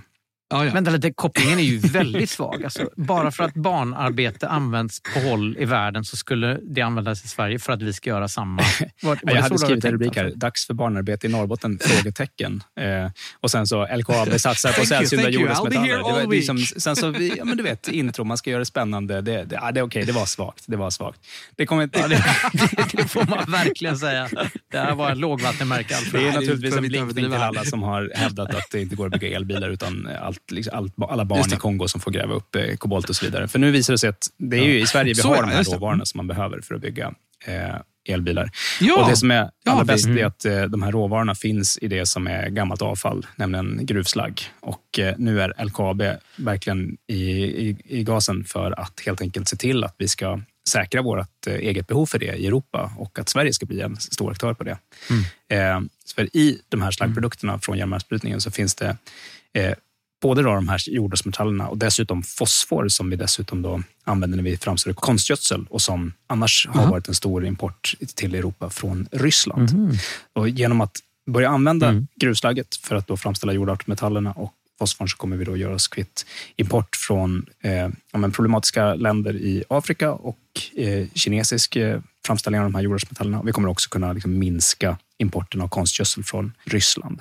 Mm. Jag rapporterade om precis det här för var det två program sedan när vi pratade om gruvomställningen, mm. då, om de här slaggprodukterna från gruvor. Har det kommit, är det något nytt liksom, att man också hittat i fyndigheter? För det finns en del fyndigheter i gruvorna också. Man pratar om att återstarta gamla gruvor. Så ja, men alltså det som händer är att de bygger nu en anläggning i Luleå där de kommer skapa 500 jobb som kommer att täcka eh, Sveriges behov av de här eh, råvarorna, både jordartsmetallerna och fosforn, mer än fem gånger om. Eh, och sen så har de dessutom köpt ett norskt mm. bolag som heter Retech för ungefär en halv miljard som ger en ytterligare en anläggning för eh, anrikning av jordartsmetaller som kommer att vara, vara i drift redan 2024. Det norska bolaget kommer börja sluta ett mm. avtal med att man ska ta råvaror från Kanada. Men tanken är att man sen så småningom ska kunna ställa om det och också använda svenska råvaror eh, i den anläggningen. Att man ska kunna bygga ut med fler anläggningar. Så det är verkligen tydligt att LKAB som har ju varit en gigantisk eh, leverantör och ett statligt bolag, men en gigantisk leverantör av järnmalm i Europa. De håller nu på att försöka ta positionen för att mm. ja, men, Sverige ska bli ledande på de här eh, metallerna. Och det, jag tycker ja, det är så viktigt bra. att lyfta fram att eh, det här... I koppling till det vi pratade om tidigare, liksom, nyhetsrubriken här. Liksom, det här är ju det vi ska... Det här är ju anledningen till att vi ska Exakt. ha elbilsbonusar i, i, mm. i Sverige. Mm. Liksom. Eh, mm. Skit i lappboxarna, det här är en jättebransch. Liksom, verkligen. Mm. Men eh, så det, det är helt enkelt så att bara i gammalt gruvslag så finns det jättemycket och det betyder också att i eh, det, det mineral som vi fortsätter plocka upp ur marken så finns eh, helt enkelt samma sammansättning. Och det här är då metaller och eh, råvaror som helt enkelt inte har varit lönsamma att bryta förrän nu när råvarupriserna har kommit upp. Så det knyter väl också, som du är inne på Fabian, ihop med liksom, vad, vad bör råvarupriserna vara? Är det så att liksom, ja. det är bra att råvarupriserna går upp lite grann därför att det också skapar ekonomi för att vi får utvinningen på bättre sätt då, i, i väst. Att vi så småningom då slutar sluta vara beroende ja. av att vi ska importera de här grejerna från, från andra länder. Mm. Förra gången vi rapporterade om det här med gruvslagget så, så sa vi att det skulle räcka i fem år att bryta det slagget som finns. Då. Men sen så har ju Sveriges geologiska undersökning, SGU, säger att det tar ungefär tio år att få öppnat en gruva. Så att om det här gruvslagget räcker i fem år, då blir det en fem års paus innan vi eh, får upp eh, nya gruvor om inte politikerna gör någonting för att skynda på det här? Det var en bra fråga. Vi kanske borde intervjua någon om, om det här som vet mer om det. Men, men jag antar att alltså slagg är mm. också något som blir till av den kontinuerliga utvinningen som redan sker. Det här slagget kommer ju från befintliga gruvor. Och, eh... ja, men det var gamla gruvor som är hundra år gamla, nedlagda gruvor. Så det är inte slagg från pågående gruvor, okay. utan det ligger högare i skogen. Ja, det blir jag nyfiken. Jag har tolkat det som att det kommer från de befintliga järnmalmsgruvorna i, i Kiruna och eh, Gällivare. Men, men jag kan ha helt fel. Jag, jag har inte dubbelkollat det. Så att, det får vi kolla. Mm. Från gruvor så drar vi oss vidare till Elbilskolan. Sista avsnittet i serien.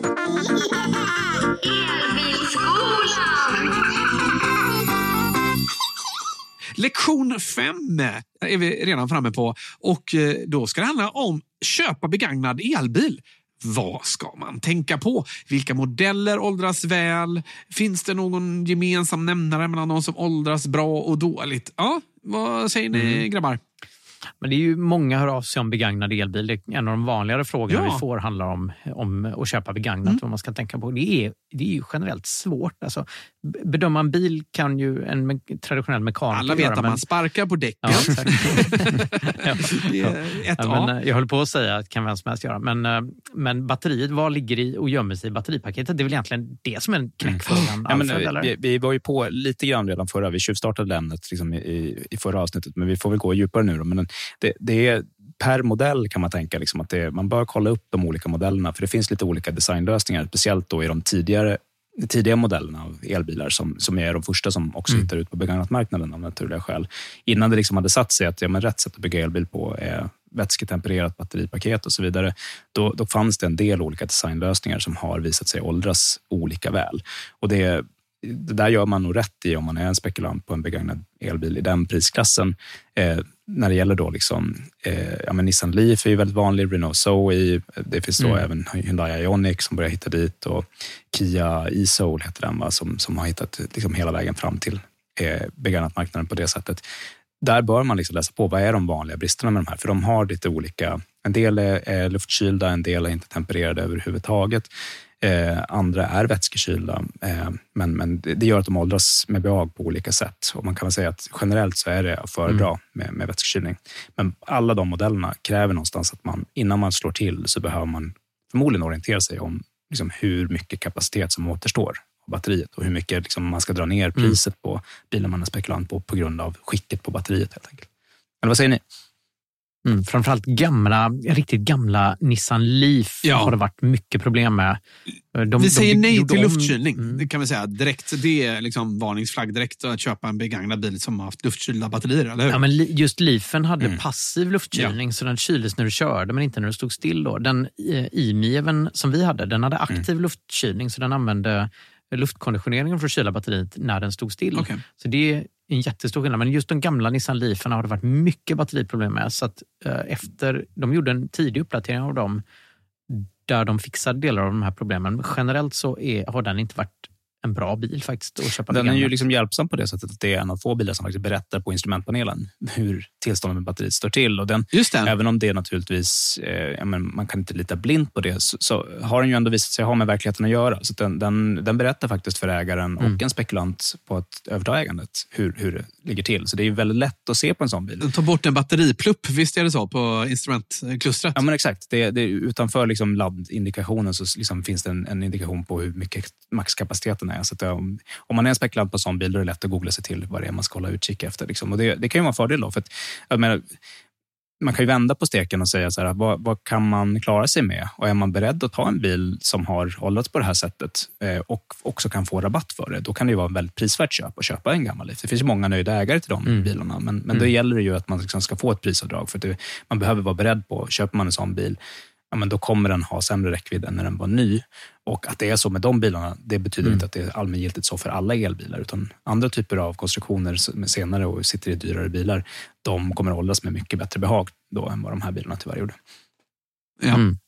Samtidigt så ska man vara väldigt försiktig med det som står på mätaren på de här äldre bilarna. Därför att det är bara en algoritm som räknar ut på i stort sett alla begagnade elbilar, som jag känner till i alla fall, som räknar ut hur mycket degradering det är förväntat år för år baserat på ålder och körlängd och så. Snarare än att det är riktig, eh, riktiga Då tänker du på kilometer räckviddsindikationen. Ja. Liksom, ja. Räcker, Just, Ja, just den här separata fullt på av vad den visar då. Leaf, den är ju inte bara algoritmstyrd, utan det är tydligt att det olika bilar eh, degraderar olika mycket Just där, det. beroende på vad de har varit med om. Så det. att, eh, Exakt. Precis. Ja. Men att titta, för det, det gör det ju väldigt svårt att, man, att, eh, att det ser bra ut. Liksom, man har tappat eh, fyra mil sedan den var ny, men i realiteten så kanske man har tappat mycket mer beroende på hur batteriet har skötts av den som ägde bilen. Men visst är det så att det inte eh, bara är liksom hur långt man har kört, utan också hur gammal bilen är som spelar Jo, en ganska stor roll. allt. Ja. Ja, absolut. Till skillnad från en tra- traditionell fossilbil så är det på elbilsbatterier, de tycker inte alls om ålder. Så att eh, körlängd är inte sådär särskilt viktigt för elbilsbatterierna.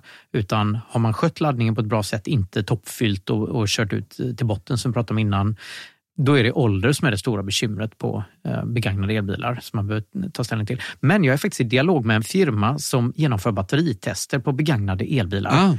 Eh, Så att de kan titta på batteriet och bedöma exakt hur bra eller dåligt det är. Men eh, de håller till i långt åt pipan så att det är inte riktigt... eh, om, om man vill åka till dem då för att kolla en bil och hur bra batteriet är, då, eh, jag tror det var i Falun eller någonting sånt, ganska opraktiskt att köra dit. Ja, men det, det finns lite olika alternativ. En del vill liksom skicka ut eh, testutrustning och sådär tror jag, liksom, till kunder som Mm. vill vara med. Jag vet inte om det var, gällde de här. Så att, men, det, Jo, nej, men det gör de också faktiskt.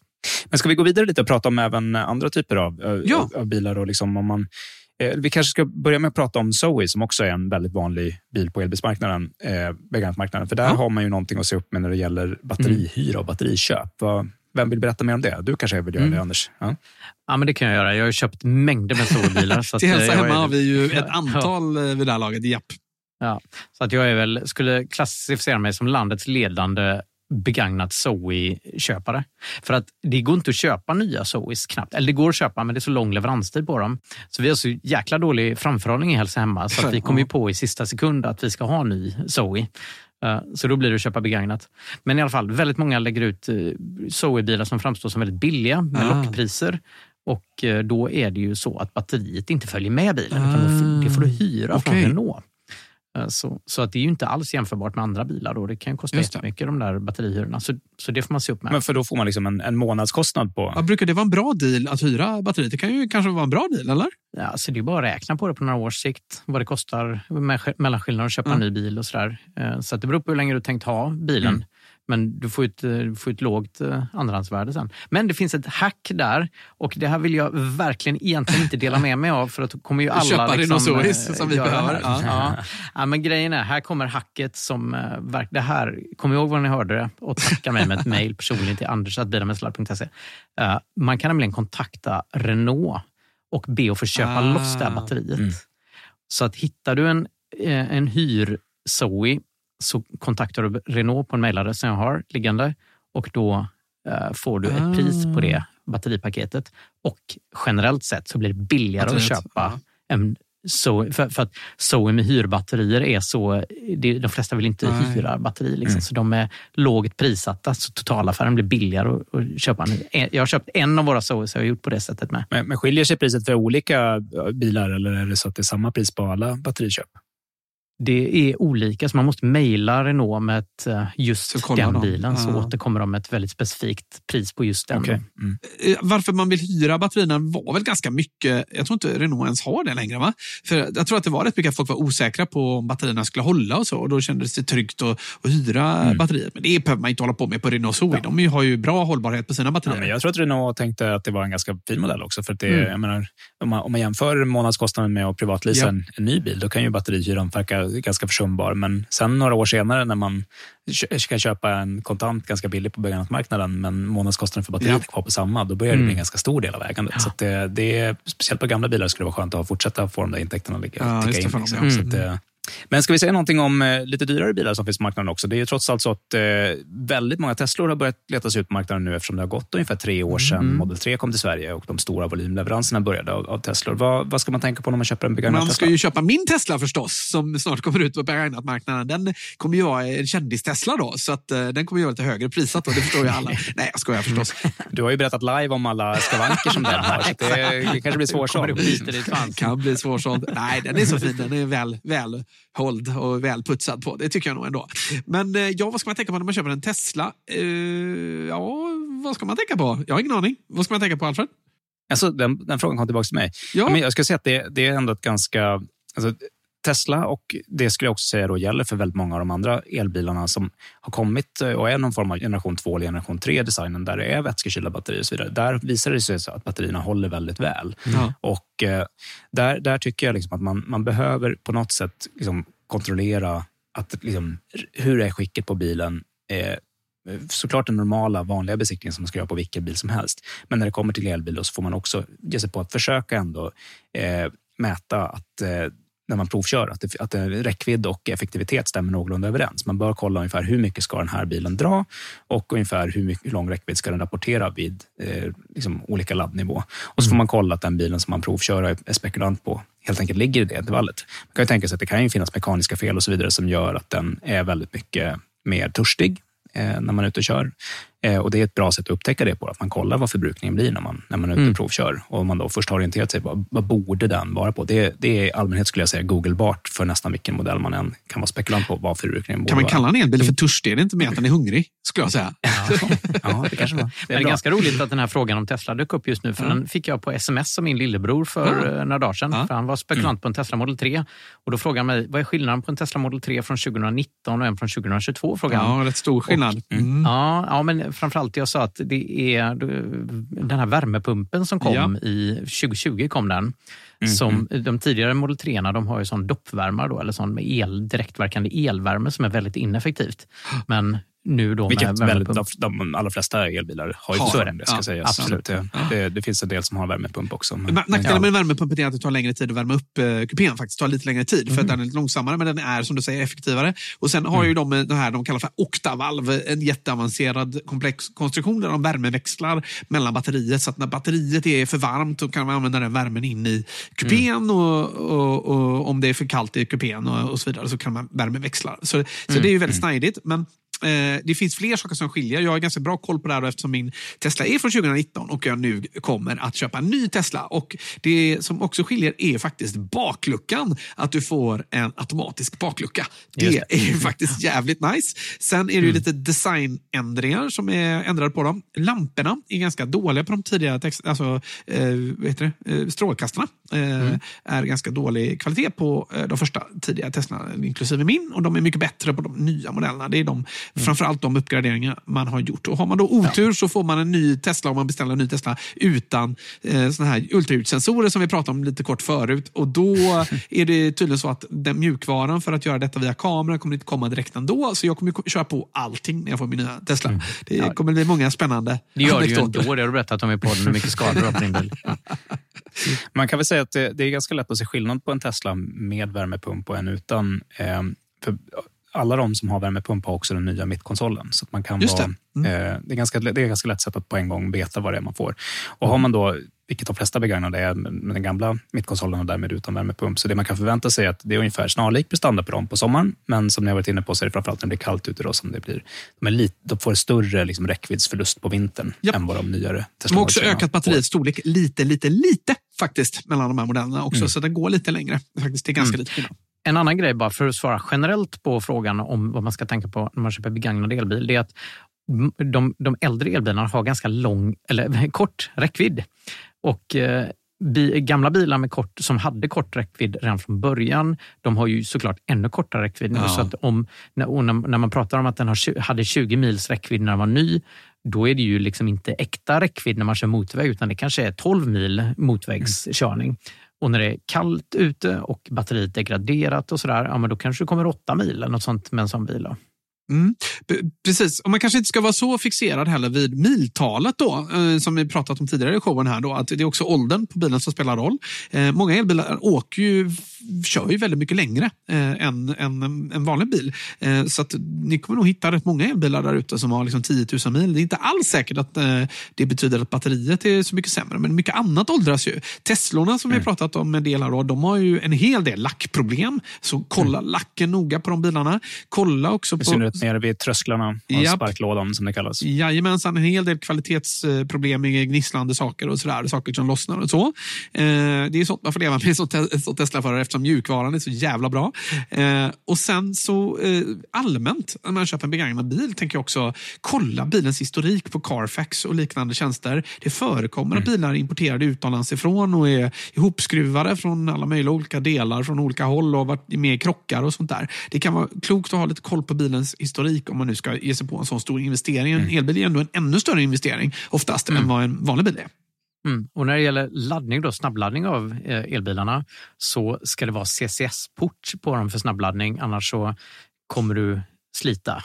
Ja. Gamla Det är Renault- något som kommer att ge dig rabatt då på Nissan Leaf eller Kia e-Soul som har eh, CHAdeMO-kontakt istället. Det, Mm. det gör att eh, de, de helt enkelt inte har samma tillgång till utbud på laddmarknaden, vilket gör det svårt på, på långresa. Så där, där, det är något som gör att man ska betala lite mindre Just per det. mil räckvidd på de bilarna än på andra som har CCS Mm. helt enkelt. Och de få CHAdeMO-laddare som finns runt om i landet, de har ju kortare eller lägre laddhastighet. Ja, också, de är på väg att avvecklas Mm. ju. De plockas ju bort en och en känns det som nu.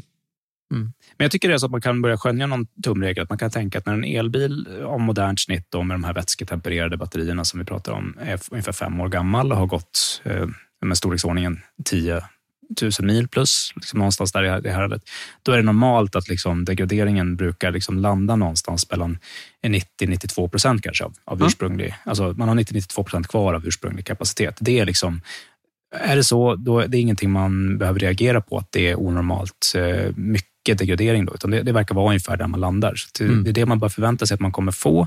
Och det är också att om man har en, spekulant på en bil som visar ungefär det beteendet, då, då vet man att ja, det är helt normalt. Det kommer vara en bra bil som kommer fortsätta att åldras med behag och degraderingen verkar avstanna där. Så kommer, inte- man kommer inte tappa lika mycket till på nästa fem år. Liksom, utan det kommer Nej. förmodligen stanna där i det häradet. Ja, på det sättet är ju Eh, ett begagnat köp ett väldigt smart eh, köp. Så. Mm. Ja, och mil är ju absolut. då, som du var inne på Fabian, inte alls så viktigt för begagnade elbilar som det är för förbränningsmotorbilar. Exakt. Och är det så att man, om man då som vi var inne på tidigare är spekulant på de billigare och lite äldre, då kanske man tyvärr inte kan förvänta sig att den ska ha så mycket som 90-92 procent kvar av batteriet, utan då kommer de förmodligen att tappa betydligt mer kapacitet. Och där kan det vara mer per exemplar vad gäller vad de har varit utsatt för, eller om de kanske till och med har varit med om ett batteribyte, så att eh, batteriet är nyare än bilen i övrigt. Då kan Just de det. ha mer kapacitet kvar och då ska man helt enkelt eh, kolla noggrant på det för att veta vad, som, vad de bilarna kan vara värda. Så de, de kräver lite mer tankeverksamhet och liksom har lite mer variabel värdering helt Japp. Enkelt, skulle jag säga, än senare eh, bilar som kommer. finns nog några bilar som har varit mjukvarulåsta eller som eh, fortfarande till och med är mjukvarulåsta av märket Tesla där ute. Eh, Jag hade ju en sån som var 75 kilowatt men som var låst till 60 kilowattimmar där i, början. Då. Och De bilarna är ju jäkla smarta att köpa för den bilen första året innan jag låste upp den hade ju aldrig laddats till max utan den har laddats ganska långt ifrån max och batterihälsan där är ju naturligtvis då mycket bättre. Ja, men nu har vi pratat om det. Jag tror vi fått tömt ut det området. Vad säger ni om att eh, runda av programmet?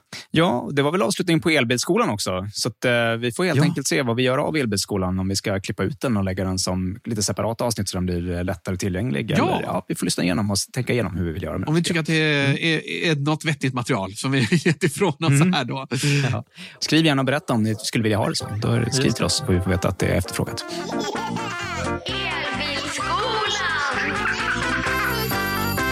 Och det här var också sista programmet innan jul. Ja. Så att nu gör vi ett litet juluppehåll och är tillbaka igen i nästa år. Ja, vad spännande det ska bli. Vad tror ni händer i elbilsvärlden under nästa år? Ja, batteripriserna går upp. och så, ja. Nej, jag har ingen Jag, aning. jag ser fram emot att få följa upp hur det går i försäljningsstatistiken mellan de olika koncernerna. Eller, Ja, vad såklart. säger du Anders? Det ska bli Ja, men spännande. jag tror Volkswagen kommer att öka ordentligt här under kommande år. Ja, vi får se. Den som lever får se. Jag tror att vi kommer få se allt fler laddboxar. Jag tror att vi kommer få se allt fler elbilsmodeller och jag tror att vi kommer få se elbilsbonusen komma tillbaka på något sätt faktiskt under nästa ja, år. Det är en modig spaning. Ja. Ja, jag hoppas ju det i alla fall. Eh, om du vill sponsra podden så kontakta oss på spons.bilarmedsladd.se. Gå gärna in på vår Facebook-sida och like oss där så missar du inte någonting när vi postar. Och eh, vi har även en helt vanlig hemsida på bilarmedsladd.se där du gärna får gå in. Vad hittar man där Fabian? Ja, där finns lite referrals och sånt där. Och bland annat så förstås är det en länk där till Hälsa Hemma, vårdcentralen där vi kommer hem med våra Renault Zoes eh, som är rosa wrappade. Ungarna älskar de där bilarna. Eh, och då kommer det också en sköterska hem till dig och eh, hjälper dig hemma så att du slipper sitta i ett väntrum. Toppen bra. Mm. Finns i Göteborg, Stockholm och planerar Skåne under hösten nästa år. Då. Jajamensan. Eh, Malmö, Lund blir det i så fall. Ja, men precis. Men tipsa vänner och eh, kompisar och allt sånt om podden. Vi behöver fler lyssnare så att vi eh, har fler att berätta om Hälsa Hemma för. Ja. precis så.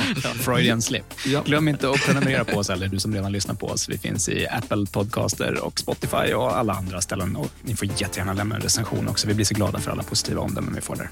Vi har en helt vanlig e-postadress, info snabelabilarmedsladd.se eller Fabian snabelabilarmedsladd, Alfred eller Anders och så vidare. Där eh, för det lilla snabelat och för redigeringen så står fantastiska Umami Produktion som är med oss och varit med oss under hösten här. Tack så hemskt mycket för gott samarbete. Och eh, ja, så hörs vi väl då på andra sidan om året. Och vad spännande. Ja. Och vad brukar vi säga när vi slutar? Ja, jag brukar säga kör försiktigt. Vad säger ni? Kör elektriskt. Jag gör en ny och säger god jul. Nej, det här går inte. Vad är det han brukar säga, Anders? Kör elektriskt. Ja, ja, ja. Sladda lugnt. Sladda Hej då lugnt. nu. Ja. Hej då. Hej då, god jul! God jul.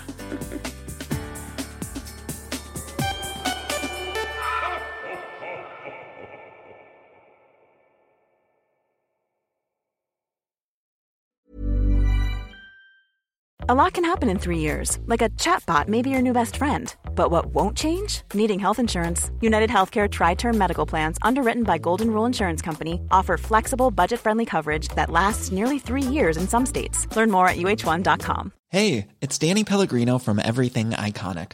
Ready to upgrade your style game without blowing your budget? Check out Quince. They've got all the good stuff shirts and polos, activewear, and fine leather goods, all at 50 to 80% less than other high end brands. And the best part? They're all about safe, ethical, and responsible manufacturing. Get that luxury vibe without the luxury price tag. Hit up quince.com slash upgrade for free shipping and 365 day returns on your next order. That's quince.com slash upgrade. Mom deserves the best, and there's no better place to shop for Mother's Day than Whole Foods Market. They're your destination for unbeatable savings, from premium gifts to show-stopping flowers and irresistible desserts. Start by saving 33% with Prime on all body care and candles. Then get a 15-stem bunch of tulips for just $9.99 each with Prime. Round out Mom's menu with festive rosé, irresistible berry chantilly cake, and more special treats. Come celebrate Mother's Day at Whole Foods Market.